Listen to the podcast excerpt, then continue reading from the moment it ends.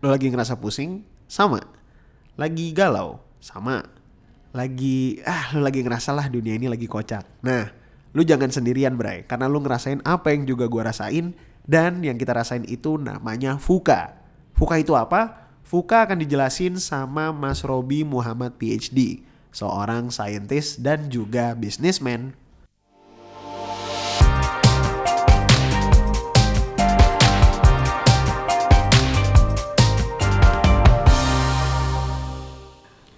Balik lagi di episode berikutnya di Seamless Waves. Kali ini seperti biasa gue nggak sendiri. kali ini guestnya nih spesial. Uh, mungkin baru kali ini gue ngomong dengan ilmuwan ya di episode kali ini. Di seberang gue udah ada guest untuk Seamless Waves kali ini ada Mas Robi. Halo Mas Robi. Halo Kak Bantet. Halo Mas. Jadi um, Mas Robi ini kalau ngomongin backgroundnya mungkin langsung bisa kita tanyain aja ya ke Mas Robi. Dulu Mas Robi ini dulu backgroundnya ini lumayan menarik, bukan lumayan menarik malah menurut gue ini menarik banget. Karena Mas Robi itu dulu S1 nya fisika bener ya Mas? Iya iya bener. S1 fisika, kemudian pokoknya intinya Mas Robi belajar dari ilmu eksakta ke ilmu sosial itu apa aja mas? Dari fisika? Iya jadi gue uh, kuliah itu di fisika MIPA ITB mm -hmm. gue S1 S2 di sana fisika teori. Mm -hmm. terus uh, ke Amerika ke Amerika? ke Columbia University di New York. Mantap. Uh, ngambil S2 lagi singkatnya sih statistik tapi judul lengkapnya quantitative methods in social science jadi mm -hmm. itu S2 S2 kedua mhm. statistik mm -hmm. lah katakan dan mhm. -huh. social science terus gue masuk program PhD uh -huh.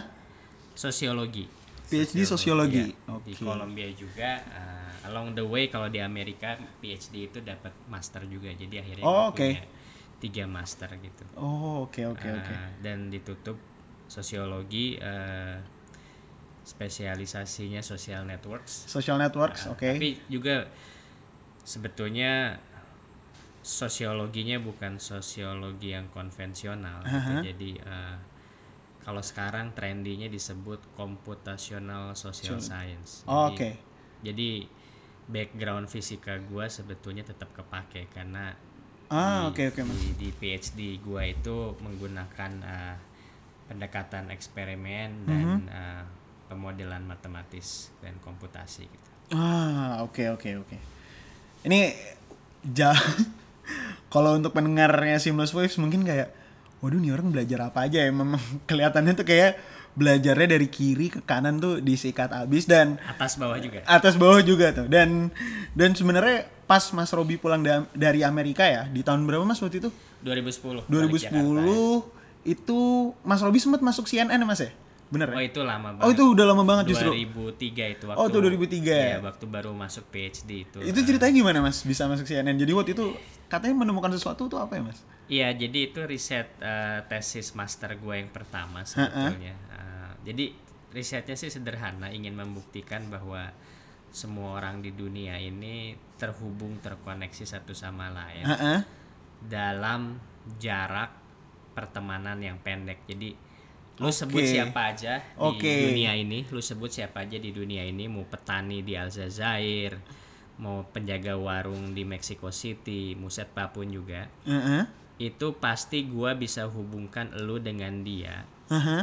melalui temennya temennya temennya temennya temennya temennya lu ke uh -huh. dia ujung-ujungnya ujung-ujungnya uh, dalam rantai pertemanan yang pendek ah oke okay, oke okay. yeah. wah menarik banget yeah, jadi yeah. kayak se sependek itu ya berarti itu nunjukin kalau misalnya small, world itu exist nih Iya benar benar benar uh, banget. Okay. Jadi kita bikin eksperimen itu dan uh. diliput banyak media uh, media Amerika internasional. Ah oke. Okay. Itu, itu, ya. Seingat gue ini sempat masuk ke tulisannya Malcolm Gladwell ya mas? Iya iya. Bener ya? Waktu itu gue sempat baca jam, tulisannya Malcolm Gladwell yang ngomongin tentang uh, rantai pesan. Jadi iya, bener, bener. teorinya ini. Jadi ya semua industri sosial network atau media sosial basisnya ini karena kalau nggak ada ini lu kebayang ya timeline kita garing.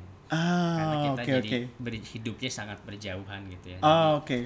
ya susah Nah, tapi Susah ya? karena sebetulnya kita hidup dalam small world network ini secara global Ah, bahkan ah. yang 7 miliar penduduk dunia Heeh. ya kita jadi punya punya timeline media sosial yang rame Ah, oke oke Mas. rame semuanya cepat menyebar Oke. eh, seru Oke. kalau yang lucu seru tentunya ya Uh-uh. ketawa tapi unfortunately kadang ada yang ada yang bikin cemas, Cemas galau juga, ya, iya, atau iya, kayak benar. hoax fitnah Ah. macam-macam itu juga nyebar Ya, hati-hati tuh, hati-hati tuh. Oke. Mas Robi sekarang sibuknya apa, Mas? Eh, sibuknya ya sekarang masih eh, ngurusin bisnis eh, bisnis sama lakukan riset tapi riset private gitu Jadi, Ah, oke. Cool.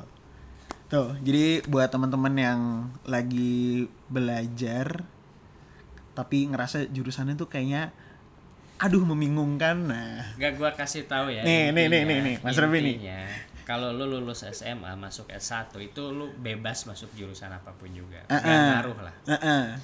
Gak ngaruh dalam arti jenis tipe jurusannya. Oke, Yang penting lu enjoy lulus. lulus. Ah, oke, Mas. Lulus enjoy. Udah gitu lu bisa ngapain aja. Bisa sekolah lagi, sekolah lagi juga bisa Hmm. bidang yang sama, bisa kerja, bisa bikin bisnis, bisa ngapain aja itu Hmm. nggak- nggak jadi jangan pikir ketika lu lulus SMA itu hidup lu udah kepatok enggak lah Mhm. nggak mungkin itu hidup itu setiap lima tahun berubah lah kurang lebih sampai seumuran gua sekarang pun itu masih berubah juga jadi nggak usah nggak usah menyempitkan diri lah intinya jadi Oh, nyantai-nyantai aja Nyantai-nyantai aja, oke. Nah, di kegalauan itu juga pada akhirnya di era sekarang nih muncul nih yang namanya VUCA. Wah. VUCA tuh in English ya, V U C A. V-nya itu ada volatility, ada uncertainty, ada complexity dan ada ambiguity. Ini tuh term apa sih Mas? Gue juga baru baca dan ini nampaknya menarik ketika sekarang kita juga ngebahas era disrupsi, apakah ada hubungannya atau gimana mas? Iya ini term yang gue juga baru tahu sebetulnya ya istilahnya baru lah tapi sebetulnya fenomenanya udah lama. Eh, ya VUCA tapi favorit gue di VUCA tuh yang terakhir yang ambiguity, Ambiguity. ambiguitas gitu. Jadi emang sekarang ini serba ambiguitas ya. Temen atau bukan sih gitu kan. Heeh. Eh, Tahu kan? eh, terus apa? eh, ini ini kerja apa gitu kan. Semuanya serba ambigu lah. Jadi ya itu zaman sekarang gitu. Jadi Oke. eh, penuh ketidakpastian, Oke. penuh ambiguitas. Oke. eh, dan ini dialami oleh semua orang, Heeh. oleh individu, oleh organisasi, bahkan oleh negara sekalipun gitu. Ah ya, oke. ya. Ini awal muncul term ini tuh karena ada satu kasus tertentu gitu nggak mas? Atau emang muncul aja Eh, karena termnya sih gua nggak tahu ya ini biasalah kalau yang nemuin term biasanya ada ada konsultan yang suka bikin-bikin term. oh ada oke oke. Tapi eh, gini deh gue bisa bilang pertama faktanya itu kita sekarang hidup dalam era dalam zaman yang penuh ketidakpastian yang Uh-uh. ambigu yang nggak jelas gitu yang suka Heeh. itu. Nah, Heeh. Nah, eh, kenapa sih gitu? Kok bisa gitu gitu? Nah, ini penjelasan sederhananya itu karena itu tadi sebetulnya berhubungan sama small world tadi Oh, bahwa hidup kita ini semakin terkoneksi. Ini udah jadi udah jadi klise ya, hidup kita terkoneksi. Mm-mm. Terkoneksi satu sama lain Mm-mm. gitu, baik lewat teknologi atau apa pun juga. Mm-mm. Nah, tapi kadang orang miss ya, orang nggak ngeh gitu bahwa ketika kita semakin terkoneksi, Mhm. efeknya itu semua hal lebih mudah menyebar. Ah oke. Informasi, ide, Anda. propaganda, tren-tren ya, Heeh. tren joke, tren pakaian, tren apa pun, Heeh. pokoknya apa pun, gosip semua itu lebih mudah menyebar. Oke. Nah, nah menyebar ini yang kita sebut sekarang viral itu gitu. Jadi nyebar cepat jadi tren terus hilang. Ah oke. Nyebar lagi cepat hilang lagi. Hilang nyebar hilang lagi. Lagi. Nyebar hilang lagi. Jadi hidup kita itu jadi penuh fluktuasi gitu. Oh naik turun hilang. Naik turun hilang, naik turun, hilang. Sekarang trennya ini minggu. Kalau dulu mungkin tren bisa tahunan, sekarang mungkin udah mingguan, bulanan misalnya kayak gitu. Oh oke bisa oke. Iya benar benar benar. Eh, apalagi kalau ngikutin di medsos itu tren bahkan harian bahkan udah per jam ya Hmm. Bahkan per jam ya, iya, Mas, benar. topik misalnya apa itu udah Uh, jadi kayak gitu. Jadi hidup kita ini penuh fluktuasi ya. Uh-uh. ya si fluktuasi itu ya itulah ketidakpastian ambiguitas ini. Ambiguitas itu. Oke. Iya. Jadi emang udah sesuatu yang nggak bisa dihindarkan gitu. Oke. Jadi nah, ini ini kan karena mostly pendengar Seamless Waves itu anak muda, Mas. Menurut Mas Robi nih apa sih yang harus disiapin dari terutama yang poin utama Mas Robi tadi tentang ambiguitas gitu. Apakah ini sesuatu yang Fuka ini apakah sesuatu yang bisa mendorong ke suatu hal yang positif atau mostly ini negatif atau gimana mas? Iya, uh, kalau berhubung ini yang interview Kak Bantet gua harus memberikan nasihat. Waduh.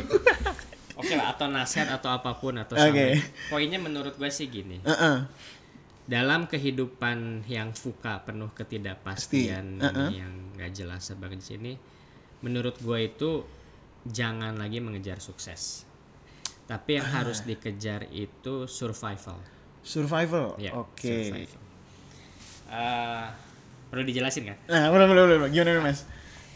Oke, biasanya kan kita ngejar sukses ya. Sukses Uh-uh. itu mengasumsikan ada semacam karir yang linier yang itu itu. Nah, yang lu, lurus. lu ya dari dari pegawai rendahan naik gitu. Nah, Jadi sampai puncak kayak itu sukses lah gitu. Eh. Atau lu mulai bisnis dari dari nggak untung sampai eh, apa break even sampai untung tambah gede. Jadi sukses itu kayak naik tangga yang linier gitu ya. Eh, eh, eh.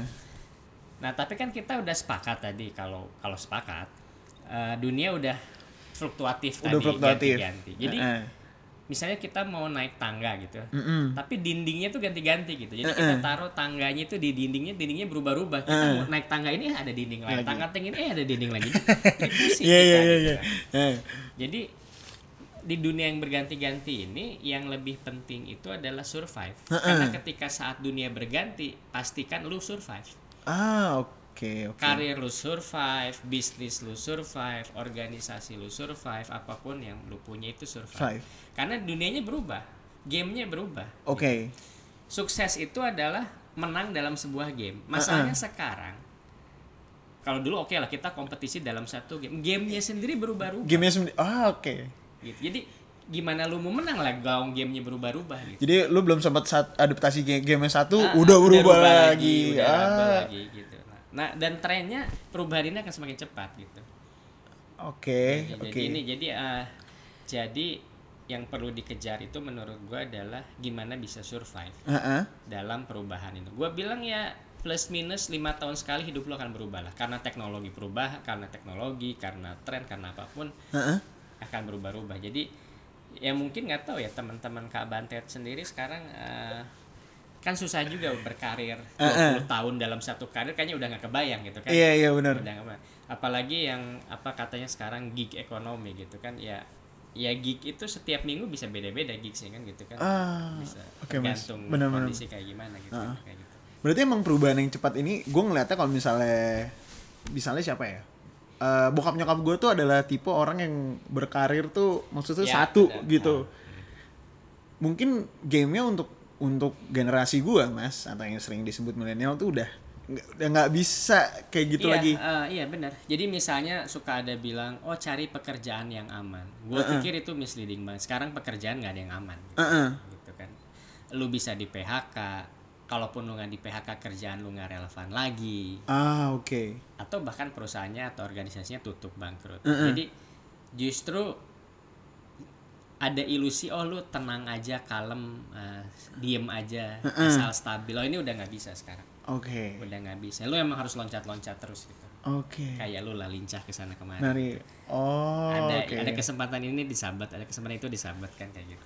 Tapi di tapi di sini Mas Robi juga nggak bilang bahwa kerja di perusahaan jelek kan. Cuma emang di game yang kali Ya. ini tuh Bukan soal jelek, intinya kerja di mana pun oke lah intinya ya terserah lah gue sih nggak ini. Eh. Tapi jangan ada ilusi bahwa kerjaan lu tuh aman atau stabil. Oh. Nah, dunianya aja berubah-ubah kok. Gimana mau Ah. aman atau stabil gitu kan. Oke oke oke oke. oke. Eh, presiden aja ganti-ganti. Ganti-ganti Ya. benar-benar. benar. Pejabatnya, menterinya ganti-ganti, Ganti. CEO ganti-ganti juga, perusahaan ganti-ganti juga. Ah, ah. Kayak gitu. Jadi jadi eh, jangan mengharapkan atau ya bahwa ada sebuah ada sebuah jalur karir gitu ya di di di luar sana yang Iya. tentram, damai, tidak berubah, stabil. Oh, itu nggak mungkin. Ah, nah ini juga berpengaruh nih soalnya mostly buat teman-teman gue yang pacaran nih kalau misalnya ketemu orang tuanya kayak eh terutama yang cowok nih ya kayak eh, pacar kamu kerja di mana oh iya stable income lain-lain Iya, gini-gini iya, jadi iya. mungkin buat tante-tante atau om yang denger ini Nah, itu triknya itu. itu harus dipelajari tante om bahwa kali ini tuh ada ada ada game yang berbeda Iya, gitu. masalahnya kalau pacaran terus mau nikah, lu tuh sebetulnya nikah itu urusan nyenengin keluarga, Eh. bukan nyenengin pasangan atau pasangan lu kan nyenengin at- atau alias calon mertua lu kan. Eh. Jadi ya itu beda memang generasinya beda. Gitu. berarti ada fuka in love juga ya mas ya? Eh, iya, eh, saya belum pernah lihat datanya ya. Cuma eh. kalau saya nggak tahu Fuka in Love ini mungkin lebih ke bukan outcome-nya tapi input dalam arti ada efek online dating. ada efek online dating ah oke oke Kita Aduh. perlu bahas ganti topik ke sana. Kita Fuka juga nih di sini. Nah, ini Fuka juga. kita Nggak apa-apa, Mas. ganti-ganti. Nggak apa-apa, Mas. Terus aja. Ini terus aja. Fuka ini online, Ah, online jadi dating gini, gimana, Jadi Mas? gini, ah, Kayak Tinder misalnya Tinder Tinder. semua itu kan eh, jadi gini kalau dulu itu kita dapetin pasangan pasangan nikah suami istri Uh-uh. itu kan hampir pastilah itu itu pilihannya nggak banyak Uh-uh. teman sekolah lu Teman sekolah. Ah, ah. teman kerja lu Uh-uh. temennya temen atau temennya keluarga lu udah itu aja Oke. jadi lu tinggal di mana lu sekolah di mana lu kerja di mana kurang lebih dari situ Ah, ah. ya jadi pool poolnya itu dari situ jadi lu akan dapetin orang yang kurang lebih mirip sama lu Ah, ah. ya, Benar. kan- ya iyalah sekolah lu kan Sekolah, kurang lebih ah, ah. mirip secara sosial ekonomi secara apa gitu kan Oke. secara ya sosial ekonomi lah nah tapi dengan online dating ini tiba-tiba lu bisa dapetin pasangan yang Lu tidak tahu. dibatasi oleh sosial konteks tadi konteks sosial tadi Oke. karena lu bisa Benar. dapetin dari mana aja Benar, benar, benar. dari mana aja. Jadi lu bisa dapetin orang yang totally different from you. Ya, Kalau lu pacaran, kawin sama orang yang satu SD, SMP, SMA, satu kuliah, satu itu kurang lebih is the same lah, nggak nggak. Dan kurang lebih lebih mudah urusnya karena lu Uh-uh. kawin sama orang yang Yang kurang lebih mirip sama Mirip. lu. Dan lingkungannya udah deket nggak sih, Mas? Maksudnya in a Lingkungannya way dekat, iya, lingkungannya lingkungannya dekat. Iya, iya, iya. Dan eh, ini masih pertanyaan menurut. Nah, sekarang di satu sisi ada yang berargumen, "Oh, online dating ini bagus." Sebelumnya kan kita terper- terpenjara sama kuliah, Uh-uh. sekolah, kerjaan, Ah, ah. keluarga. Ah, ah. Jadi pilihan kita itu itu aja. Iya, Sekarang iya. kita bisa lebih bebas milih dari mana pun juga. Oke. Meskipun dipilihin algoritma sebetulnya nggak nggak bebas Iya, iya, iya. Itu tapi benar, topik lain lagi. Iya, iya, iya. Ah, Jadi seolah-olah sekarang orang lebih bebas uh, untuk memilih pasangan gitu. Ah. Nah, nah, tapi saya belum ngelihat hasilnya apakah uh, saya belum pernah ngelihat penelitiannya apakah uh, pernikahan hasil online dating kualitasnya lebih baik atau tidak dibanding non online dating. Oh, oke, oke, oke, oke. Ah, oke, oke. Jadi apakah lebih survive pernikahannya? Oke, oke. uh, antara mereka yang menggunakan basisnya teknologi atau enggak gitu. Ah, oke. Eh, ya ini masih pertanyaan. Uh-uh. Jadi jadi ya urusan percintaan pun ya kena suka juga meskipun kita belum tahu pasti jawabannya apakah pernikahan yang memakai online jasa online dating itu lebih berbahagia atau enggak itu kita Ah, tahu. setahu saya ya. Dulu kalau zaman dulu kan mak comblangnya itu orang. Ini mak comblangnya ini Algoritma. algoritma Iya. dan aplikasi. Ya. Kayak gitu. Mesin, Mesin, robot, mesin, robot. robot. Oke. Gila, cipet hidup cinta lu diatur robot. Sedih banget sih? Gila. Ini berarti ngomongin tadi robot, ini emang industri 4.0-nya udah dalam artian emang udah sadar atau enggak itu udah merasuki sampai kehidupan percintaan ya Mas, sampai yang sepersonal itu. M- mungkin ya dulu bisa dibilang Facebook udah ya apa ya? Facebook tuh udah mulai yang kayak eh, memasuki kehidupan yang personal, baru informasi dasar, kemudian cinta, kemudian timbul Tinder dan lain-lain ini kayak Iya intinya hidup kita semakin banyak diurusin sama algoritma sama robot intinya Oke. sih. Oke. Waduh. Apakah itu baik buruk ya itu kita bisa obrolin dua jam lagi. Lagi. Nah, Oke oke oke oke oke. Nah, ini ada kalau kalau misalnya dibahas satu-satu nih Mas, ada yang namanya volatile. Volatile itu di sini itu adalah lingkungan yang nggak bisa dikontrol. Ada perubahan pada industri dan bisnis dan dunia menjadi lebih cepat berubah. Tadi udah dibahas sama Mas Robi. Iya iya. Heeh. Sulit untuk diprediksi, semakin rumit dan sukar untuk dianalisis. Itu kompleks yang bagian C-nya. Sulit untuk diprediksi tadi uncertain dan tidak ada kejelasan dalam menginterpretasi suatu hal atau ambiguity. Bisa dibilang berarti anak muda sekarang tuh mostly lagi fuka, Mas. Semua orang sebetulnya. Semua Bukan- orang. Bukan hanya anak muda. Spesialnya anak muda itu seluruh pengalaman hidupnya fuka. Kalau generasi saya ada yang non fukanya gitu. Oh, kalau generasi Mas Robi ada yang non fukanya ya. Tapi kalau generasi Kak Bantet totally fuka life. ya. Oke. Waduh, ini menarik nih. Eh, Totally fuka. Jadi buat yang Nah itu kan kasihan jadinya jadi mungkin lu juga tuh bahkan banyak banget gua juga ngerasa bingung kok hidup gua nggak jelas gitu. Eh, Padahal eh. ya semua orang nggak jelas hidup Eh, eh. sebenarnya it's fine, it's okay eh. gitu kan kayak gitu. Dan mungkin eh, tadi ya disebut satu-satu dan misalnya contohnya ambiguitas ini cenderung dapat apa ya persepsi buruk sesuatu yang harus dihilangkan gitu. Oh. Karena kayak nggak pasti. nggak pasti. Nah sebetulnya, nih gue belajar fisika ya. Heeh. Ketidakpastian itu adalah ada di dalam intinya inti fisika. Waduh. Core of the core. Waduh. Oke, Dari anak fisika ya. realitas realitas alam ini intinya Oke, oke, itu oke. ketidakpastian. Oke. Itu lagi-lagi itu podcast sendiri. Oke. Tapi itu ketidakpastian itu nggak bisa dihilangkan. Oke. Ya. Nah, triknya justru sekarang itu ambiguitas itu harus kita manfaatkan, bukan dihilangkan. Oke. gitu Nah, de- dalam arti bagaimana kita menggunakan ambiguitas sebagai strategi Oke. Aduh. lagi. Karena emang ambiguitas ini inevitable ya mas. Maksudnya nggak bisa terhindarkan dan emang ya emang iya dan kalaupun kita anggap kita berhasil menghilangkan ambugi, Big- ambiguitas itu kita hanya berilusi gitu karena Oke. akan muncul lagi muncul lagi muncul lagi Oke. kepastian itu gitu. Eh, dan sebetulnya bukan yang hal yang buruk Ha-ha. karena am- sesuatu yang nggak jelas itu kan sebenarnya ngasih ruang kalau lu terlalu jelas lu nggak bisa ke mana-mana lagi gitu kan Ah, misalnya kalau lu udah punya pasangan pacar lu terlalu jelas kan lu hilang ruang lu ruangnya iya. tapi kan you never know ya kita nggak mau putus cuman lu never know Iya benar mas. lu pernah putus Pernah. gue juga pernah kan ya of course kita nggak mau putus Iya iya kan iya. Things happen, shit happens, ya. Uh, broken hearts happen. Hmm. Nah kan, nah kalau lu menjaga ruang untuk itu, kan lu akan bisa lebih punya ruang Uh-uh. untuk menghandle ketika broken heart itu terjadi. Oke. Daripada lu udah saklek hitam putih bahwa pokoknya gua mesti sama dia kalau enggak wah gua nggak tahu itu lu aja yang bego gitu kan. bahkan kawin pun bisa cerai eh nothing wrong with nothing nothing wrong with that karena cerai kan ya sebuah Oke. sebuah jalan Sebuah jalan ya, benar-benar. bukan ya meskipun kita nggak nggak suka tapi itu sebuah jalan yang normal dan secara agama pun legal kan gitu ah. agama kebanyakan agama lah gitu Ah. jadi jadi sebenarnya ruang-ruang ini jadi apa yang tidak jelas ini harus kita embrace kita kita manfaatkan lah gitu Nah, oke. dan eh, kalau lu mau menang dalam kompetisi di era fuka ini Ah, ah. justru strategi lu harus ambigu Ah, oke. semakin lu ambigu itu semakin lu bisa powerful Oke.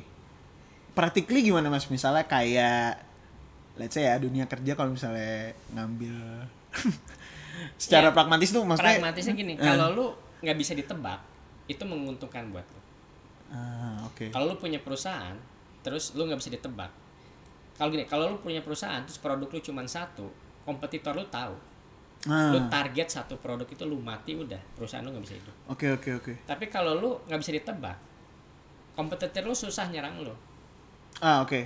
karena nggak nggak jelas nih si bantet nih maunya ke mana gitu Eh. kadang ke kiri kadang ke kanan kadang ke atas ke bawah jadi jadi itu adalah ruang untuk supaya kita bisa survive gitu. Oke. karena unpredictability itu kalau lu belajar strategi militer itu kan penting Oh, oke. kalau oke. lu melakukan serangan itu unpredictability tidak bisa diprediksi itu penting karena kalau lu bisa diprediksi ya belum perang pun lu udah kalah gitu Oh, Oke, oke, oke. jadi eh, jadi jadi eh, sebetulnya ini ada ceritanya kalau lu mau boleh Boleh, boleh Mas. Gimana, gimana? jadi gini lu tahu peradaban modern sekarang ini kan basisnya kurang lebih dari Eropa lah ya. Heeh. Apa sih pencerahan abad Pencerahan enlightenment. enlightenment, enlightenment, abad ya. berapa tuh 14 15. Belas, iya. Nah, kalau lu pelajari singkatnya pencerahan Eropa ini, itu asalnya itu dari satu keluarga Itali di Florence namanya keluarga Medici. Medici, oke. Nah, kalau lu pikirin ya, kok bisa sih sebuah revolusi besar yang merubah dunia, bikin peradaban baru dimulai dari keluarga gitu. Iya. Kok bisa? Who are these people kan? Kok mereka powerful sekali. Heeh. Nah, ada riset yang sangat menarik yang waktu itu gue baca dan ya bisa gue share kalau ada yang tertarik. Heeh. Ternyata Medici ini bukan keluarga paling kuat, Oke. bukan keluarga paling kaya, bukan keluarga paling pinter, Pinter. juga. gitu. Bukan intelektual ya, Mas? Bukan, bukan, Bukan. bukan juga militer yang powerful, bukan pokoknya. Jadi pada saat itu di Florence di Italia itu banyak memang keluarga-keluarga yang bersaing satu sama lain. Tapi Medici ini keluarga yang biasa-biasa saja. Oke. Nah, yang lain mungkin ada yang lebih kaya raya, ada Uh-uh. yang lebih secara militer kuat, Kuat. ada Uh-uh. yang lebih pintar macam-macam.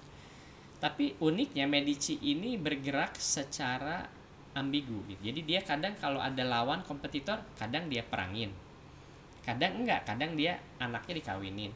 Oh, kadang oke. dibikin bisnis. Jadi dia membangun relasi yang ambigu.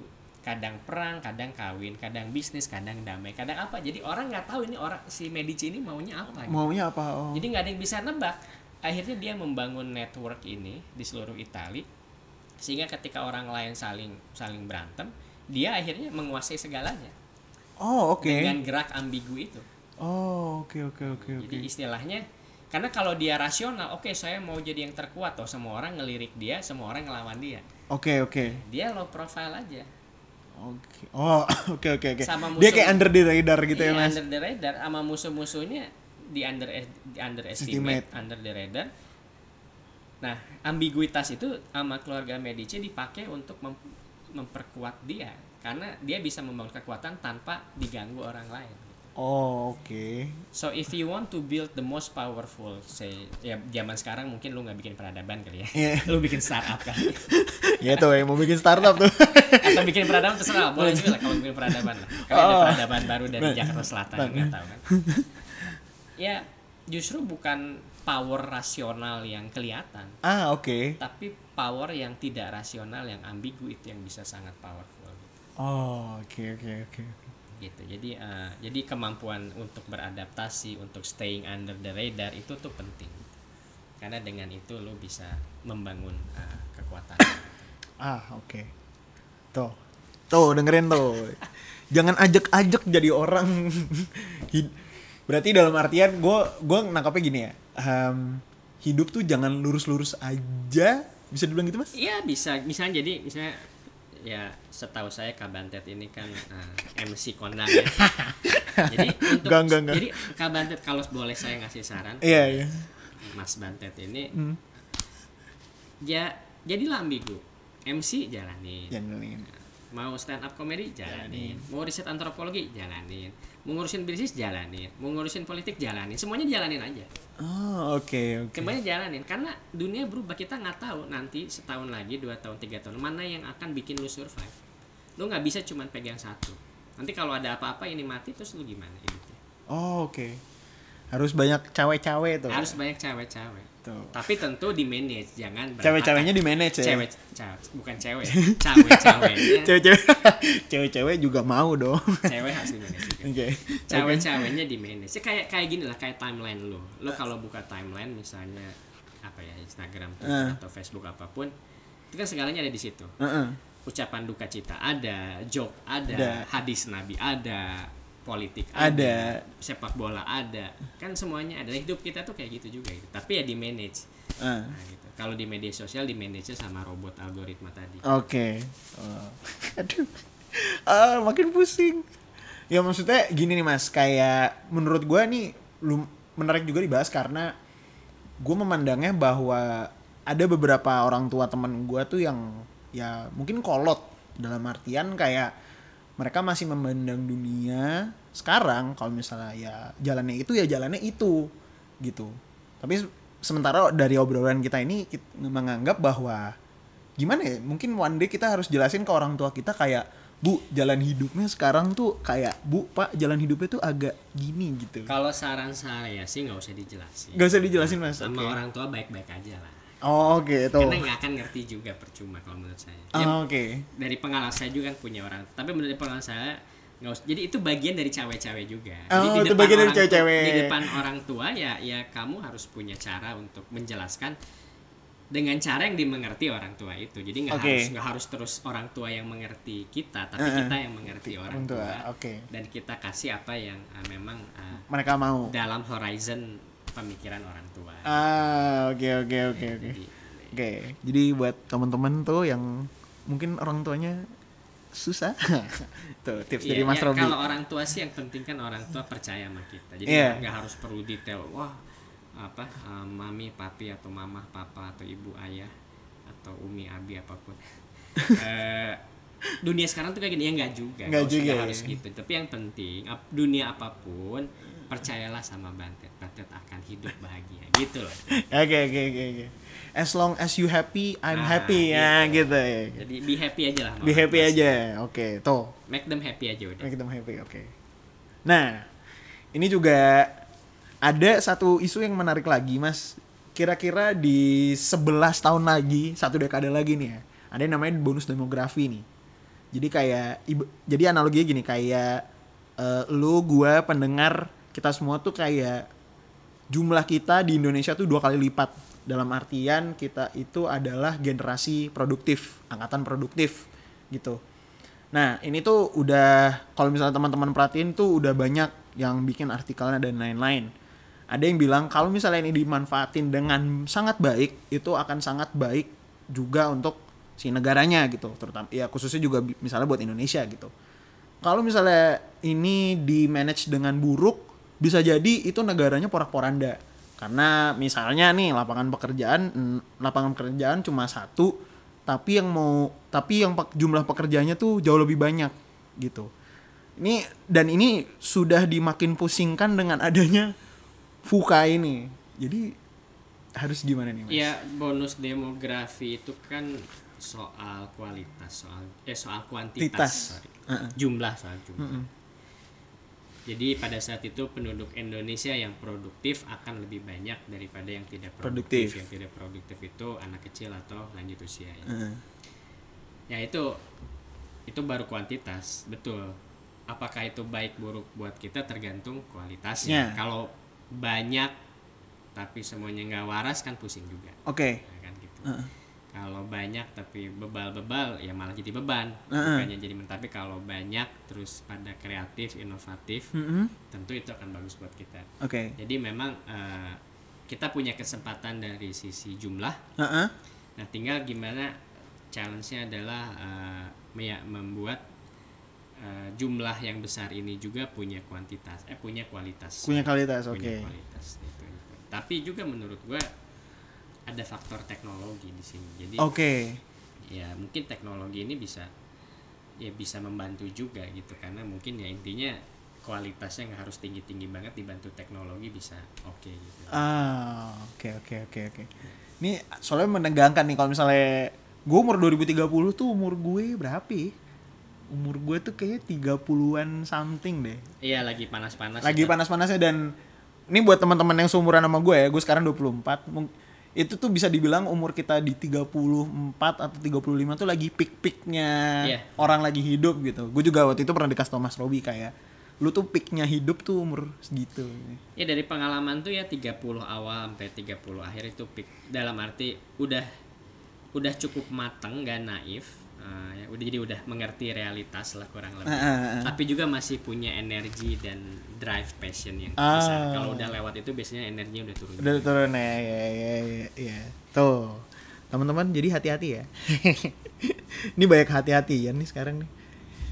Iya, karena basically dunianya tambah tambah susah memang. Ini saya nggak nggak nggak tutup tutupi memang. Buat saya sih sekarang makanya itu tadi pesan saya kan apa eh, lebih baik survive daripada sukses tuh memang hati-hati lebih penting. Jadi jangan lihat ke atas doang. Atas bisa langit, tapi lihat kalau jatuh tuh seberapa jauh Jauhnya. jatuh ke bawah gitu kan itu juga dilihat. gitu. Oke, oke, oke. Gitu.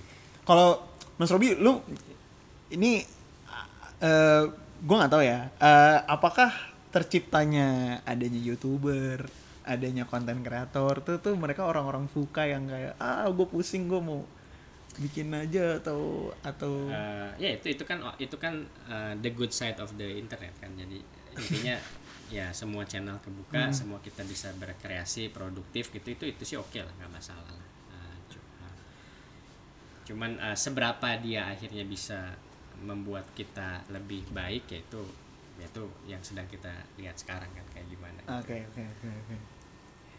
Aduh pusing ah pusing Ya, intinya sih jadi jangan terlalu banyak mikir dalam dunia fuka ini tapi lo mesti punya kalau saya ini mungkin biasa ya Gimana, Mas? dosen dosen di fakultas psikologi nah, eh. kalau saya sih untuk dunia fuka itu gini loh kalau skill teknis itu bisa belajar Oke. Lu tinggal sisain waktu lu belajar yang benar kurangin tidur lu lu bisa apa aja Heeh. lu bisa jadi data scientist lu bisa jadi content creator apa asal lu kurangin tidur lu lah Heeh.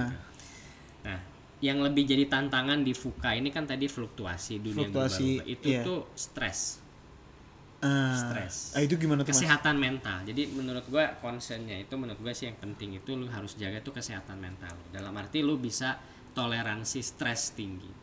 Toleransi te- lu terhadap stres tinggi. Terhadap kecemasan, terhadap kegalauan. Karena dunia akan tambah stressful, dunia akan tambah cem- mencemaskan, dunia akan tambah bikin galau. Nah, lu mesti bisa tahan. Lu nggak nggak gila gitu. Lu masih bisa berfungsi. Nah, itu- menurut gue itu yang paling penting. Ah. Kesehatan mental lu. oh Iya. tuh kesehatan mental Kesehatan tuh mental buat gue sih. Karena dunia akan tambah gila. ah oke oke oke dunia oke akan tambah gila. Eh, jadi gitu. dunia tambah gila salah satu contohnya yang paling konkret apa mas Ya eh, intinya kalau yang di Indonesia sekarang kita unfortunately eh, kemarin kita ngarami kerusuhan, Kerusuhan. di ibu kota ya itu kan nah, nggak nyangka Tanggal 22 kita ya, tahun ya. 2019 kita pikir kita udah mau maju melesit jadi bangsa maju taunya kita masih disibukkan sama isu-isu eh, primordial gitu kan ya. Heeh. Nah itu kan ya salah satu fuka juga gitu. Oke. Nah, sama salah satu fuka juga. Eh, di skala level dunia perang dagang, perang militer, Militer. lu- Perang dagang Cina, perang Amerika dagang ya? Cina Amerika yang nanti Turki, Rusia, Amerika, macam-macam, Israel, Palestina, macam itu itu tambah rumit sekarang dan kita lihat juga ya sorry to say banyak pemimpin dunia yang dipilih ternyata agak aneh perilakunya gitu. dari mulai Amerika sampai ke mana-mana itu kan aneh kan perilakunya Iya, iya, iya. jadi eh, gila pemimpinnya aja udah kayak gitu gitu Heeh. apalagi rakyatnya gitu kan they are, these are crazy people gitu Heeh. Jadi, eh, atau apa eh, di global kemarin Google stop support untuk Heeh. apa Huawei, ya Iya iya iya Huawei. Itu katanya Huawei-nya apa spying ya Iya, Mas ya? di- disuruh sama, sama presidennya sama Trump kan. Eh, gila, maksudnya lu perus- kalau lu kerja di perusahaan itu tiba-tiba lu nggak bisa pakai Android Iya, iya, lagi iya, iya. padahal lu ngeproduksi hardware kan gimana itu Iya, cuma iya. hanya perintah satu orang gitu itu suka Iya iya iya iya iya. iya. Kayak, Lah lah lah aneh aneh. Terus kita nggak bisa lagi produksi HP gitu kan Iya iya benar benar benar. pusing kan lu nah jadi eh, itu ya itu contoh. Terus yaitu uh, ya kalau kalau di level yang konten kreator misalnya Uh-uh. itu virality itu suka. Karena tidak ada satu orang pun yang bisa memprediksi viralitas Ah oke. gimana bikin konten viral secara konsisten terus menerus itu nggak ada orang yang bisa Berarti emang harus dibanjiri ya Mas ya ya? kita bisa debat lah itu Itu bisa, podcast, oh, itu- oke, ya, itu nggak ada podcast tapi intinya nggak gini kalau ada orang yang bisa secara konsisten bikin konten viral dia udah jadi bilioner sekarang Nah iya iya iya iya iya. iya. karena dia bisa ngapain aja basically kan Ah. gitu bisa mempengaruhi orang miliaran orang tapi kan Ah. nggak ada Oke iya iya benar sih. jadi jadi itu ya kita hidup dalam dunia yang viral kan orang mencari virality vi- cari yang viral mana yang viral mana yang viral gitu nah viral itu fuka karena nggak bisa diprediksi ada risetnya kalau ini bahwa konten yang viral tuh mungkin di bawah satu persen dari semua konten yang ada di internet gitu. Tuh. Ini banyak banget nih anak-anak SD, anak SMP mau jadi YouTuber, mereka tuh kepikirannya viral terus jadi terkenal gitu. ya. Ya itu Tuh. itu oke banget. Nah, eh, tapi ingat aja viral itu popularitas itu lebih banyak kebetulannya. Ah. Jadi Oke kalau lu oke. beruntung, Oke. ya udah lu nikmati aja gitu. Oke. Tapi jangan terlalu berharap gitu. Maksudnya ya kan keberuntungan namanya. Iya iya iya Jadi iya. lu iya. mesti punya backup lah gitu menurut gua. Oh. Lu mesti punya backup. Ah, ya. Nah jadi dunianya kayak gitu lah. Belum pemanasan global, kayak apa laut yang menaik terus Jakarta mau tenggelam macam-macam. lah. Jadi dunia itu rumit dan susah lah. Lu susah ya ah, ya lu hati-hati lah hidup. tuh di ini gue lagi wawancara di bulan la- Ramadan ya di bulan Ramadan ini tuh bahkan kita pikirkan suatu yang bersih suci tuh pembahasan kita juga ah ternyata hitam runyamnya tuh banyak sekali ya, dan dan gue nggak mengada-ngada ya kalau Iya. gua baca-baca orang-orang kaya Amerika tuh udah pengen kabur ke luar angkasa kan. nah iya tuh Jeff Bezos itu lagi bikin blue itu Itu yang kita tahu. ya. Iya. Yang kita nggak tahu orang-orang kaya yang di bawah Bezos. Eh, mereka udah ini gimana nih? Mereka tahu karena dunia ini makin panas, makin Iya. banyak bencana alam, makin Iya. makin ribet gitu kan. Orang makin marah-marah gitu. oke Jadi eh, itu yang kelihatan, yang nggak kelihatannya itu banyak banget yang kasak kusuk pengen kabur dari planet bumi ini. Gitu. waduh Orang-orang kaya itu. Iya. Ini bahkan eh, karena kejadian jadi karena kejadian kemarin tuh sempat rame di Twitter jadi ada tiket going to Mars gitu mas terus Iya. bisa bisa karena udah capek ah gue udah capek ya ngeliatin eh, orang-orang kela- kelakuan orang-orang di Indonesia kayak Iya, gini bener-bener. terus kayak ah, gue mau cabut aja ke Mars gitu Bener. makanya makanya gue balik lagi tadi yang penting Tuh. itu zaman suka tuh kesehatan mental kesehatan mental tuh cara lu memanage stres itu penting penting oke mungkin kita kalau misalnya kita rangkum bahwa di dalam era fuka ini itu em, ada harus ada yang harus diperhatikan adalah satu kesehatan mental yang kedua jangan cari sesuatu hal yang menurut kita tuh stable ya mas ya. Harus jangan asumsikan asumsi asumsikan ya. sesuatu itu stable. Oke Nggak bisa. bisa. jadi harus banyak cawe-cawe harus bisa jadi gini. Setahu gua ya nah. orang atau manusia hebat seumur lu itu bertanya gue ini siapa sih? gitu. Iya, iya, gue ini iya. harus ngapain sih? gitu. Iya iya. Nah jawabannya lu nggak usah cari jawabannya. gitu. Tuh jangan dicari tuh gue suka banget nanya sama mas Robi nih Karena kenapa? Meskipun lu ketemu sekarang jawabannya, Heeh. gua jamin 3 5 tahun lagi kan berubah. Gua aja nih sekarang umurnya gua 44. Masih nanya, ini gua ini siapa ya? Gitu. Gua ini ngapain ya bagus ya? Gua Hmm. aja pasti bertanya-tanya Oke, mesti. dan itu nggak akan berubah. Kenapa? Itu bukan salah kita loh, bukan kita yang goblok. Ah. Kita nggak bisa cari tahu siapa diri kita sendiri. Nggak. Tapi emang dunia lingkungan berubah cepat. Jadi kitanya bingung. kitanya bingung tuh Kitanya gampang. Jadi tuh jadi jangan lu terima aja lu siapa? Udah lah jangan jangan banyak tanya. Lu terima aja itu. Iya iya iya. Jangan banyak maunya. Lu enjoy ngapain? Lu jago ngapain? Lu pertajam itu lu Iya, hebat itu. dan terus kembangkan skill-skill Skill-skill, iya. tampilan baru gitu. Bahkan di scene Avengers yang Endgame itu mereka tahu mereka superhero tapi lagi dunianya lagi runyam tuh mereka sempet lost gitu loh. Kayak anjir kita nggak kita tuh siapa nyet? Em, kita tuh masih nggak sih diperhitungkan sebagai superhero apa dan lain-lain ya Avenger aja gagal gitu. Gagal, ya, Saat- jadi di, mereka hanya bisa setelah cheating kan Heeh. balik eh, iya balik ini ke udah gak zaman spoiler kan Iya. nggak apa-apa.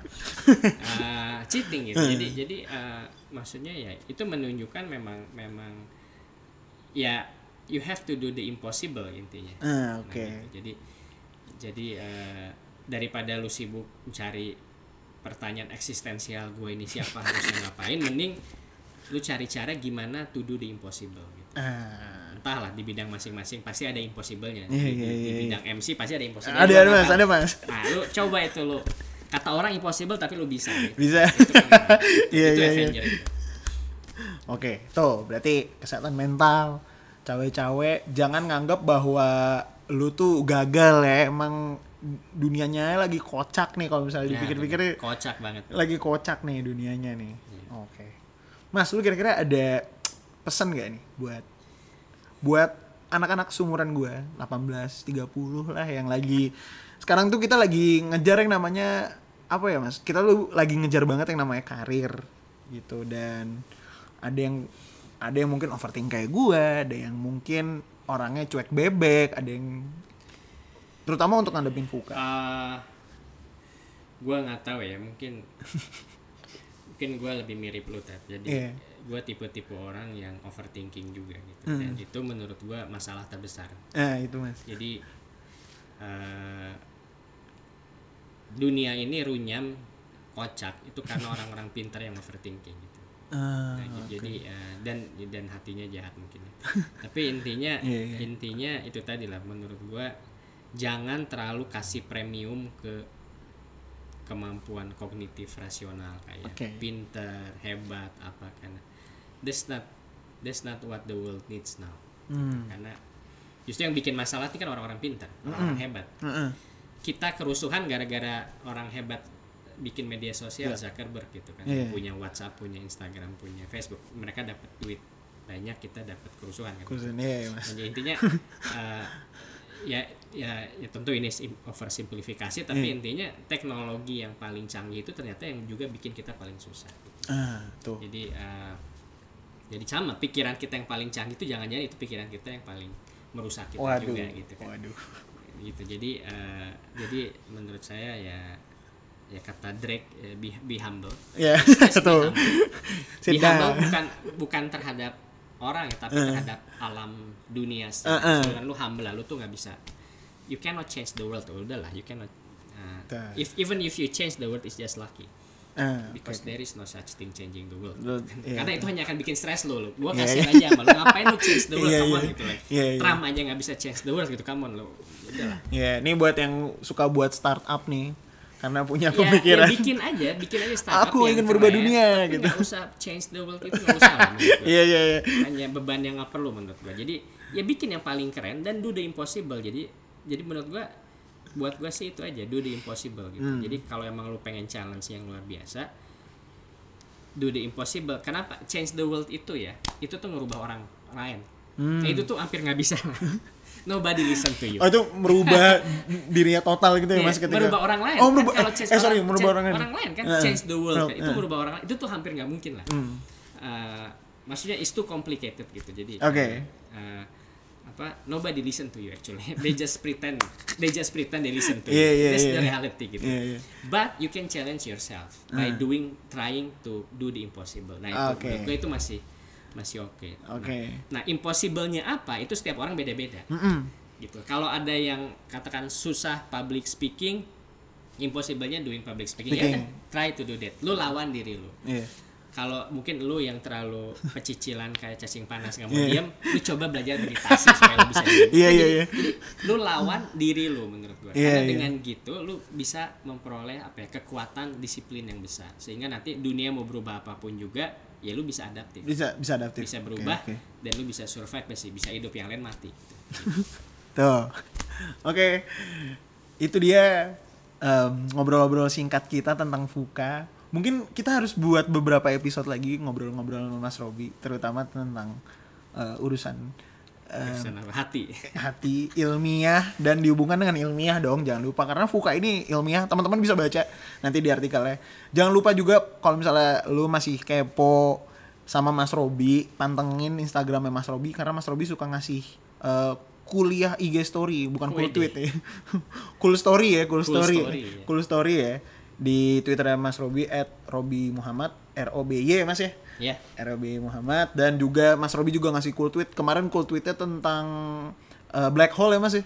Oh iya itu. Ya, itu tuh tentang black hole Itu tuh. Zaman gua seumur lu uh, hobi gua black hole. black hole tuh. Ngomongin eh, quantum physics ya kan teman-temannya eh, Albert Einstein dan lain-lain tuh. Tapi nggak itu aja. Lu bisa pantengin twitternya Mas Robi. Mas Robi suka ngasih cool tweet yang menurut gua keren dan mudah untuk dipahami di sama at Robi Muhammad. Gitu Oke. oke. Terima kasih Kak Bantet. terima kasih Mas Robi. Selalu seneng ngobrol sama selalu gue selalu tercerahkan kalau ngobrol sama Mas Robi. Itu jadi guru mencerahkan. Wah gitu. Oke. sampai jumpa di episode berikutnya. Dadah. Dadah. dadah. Berapa lama?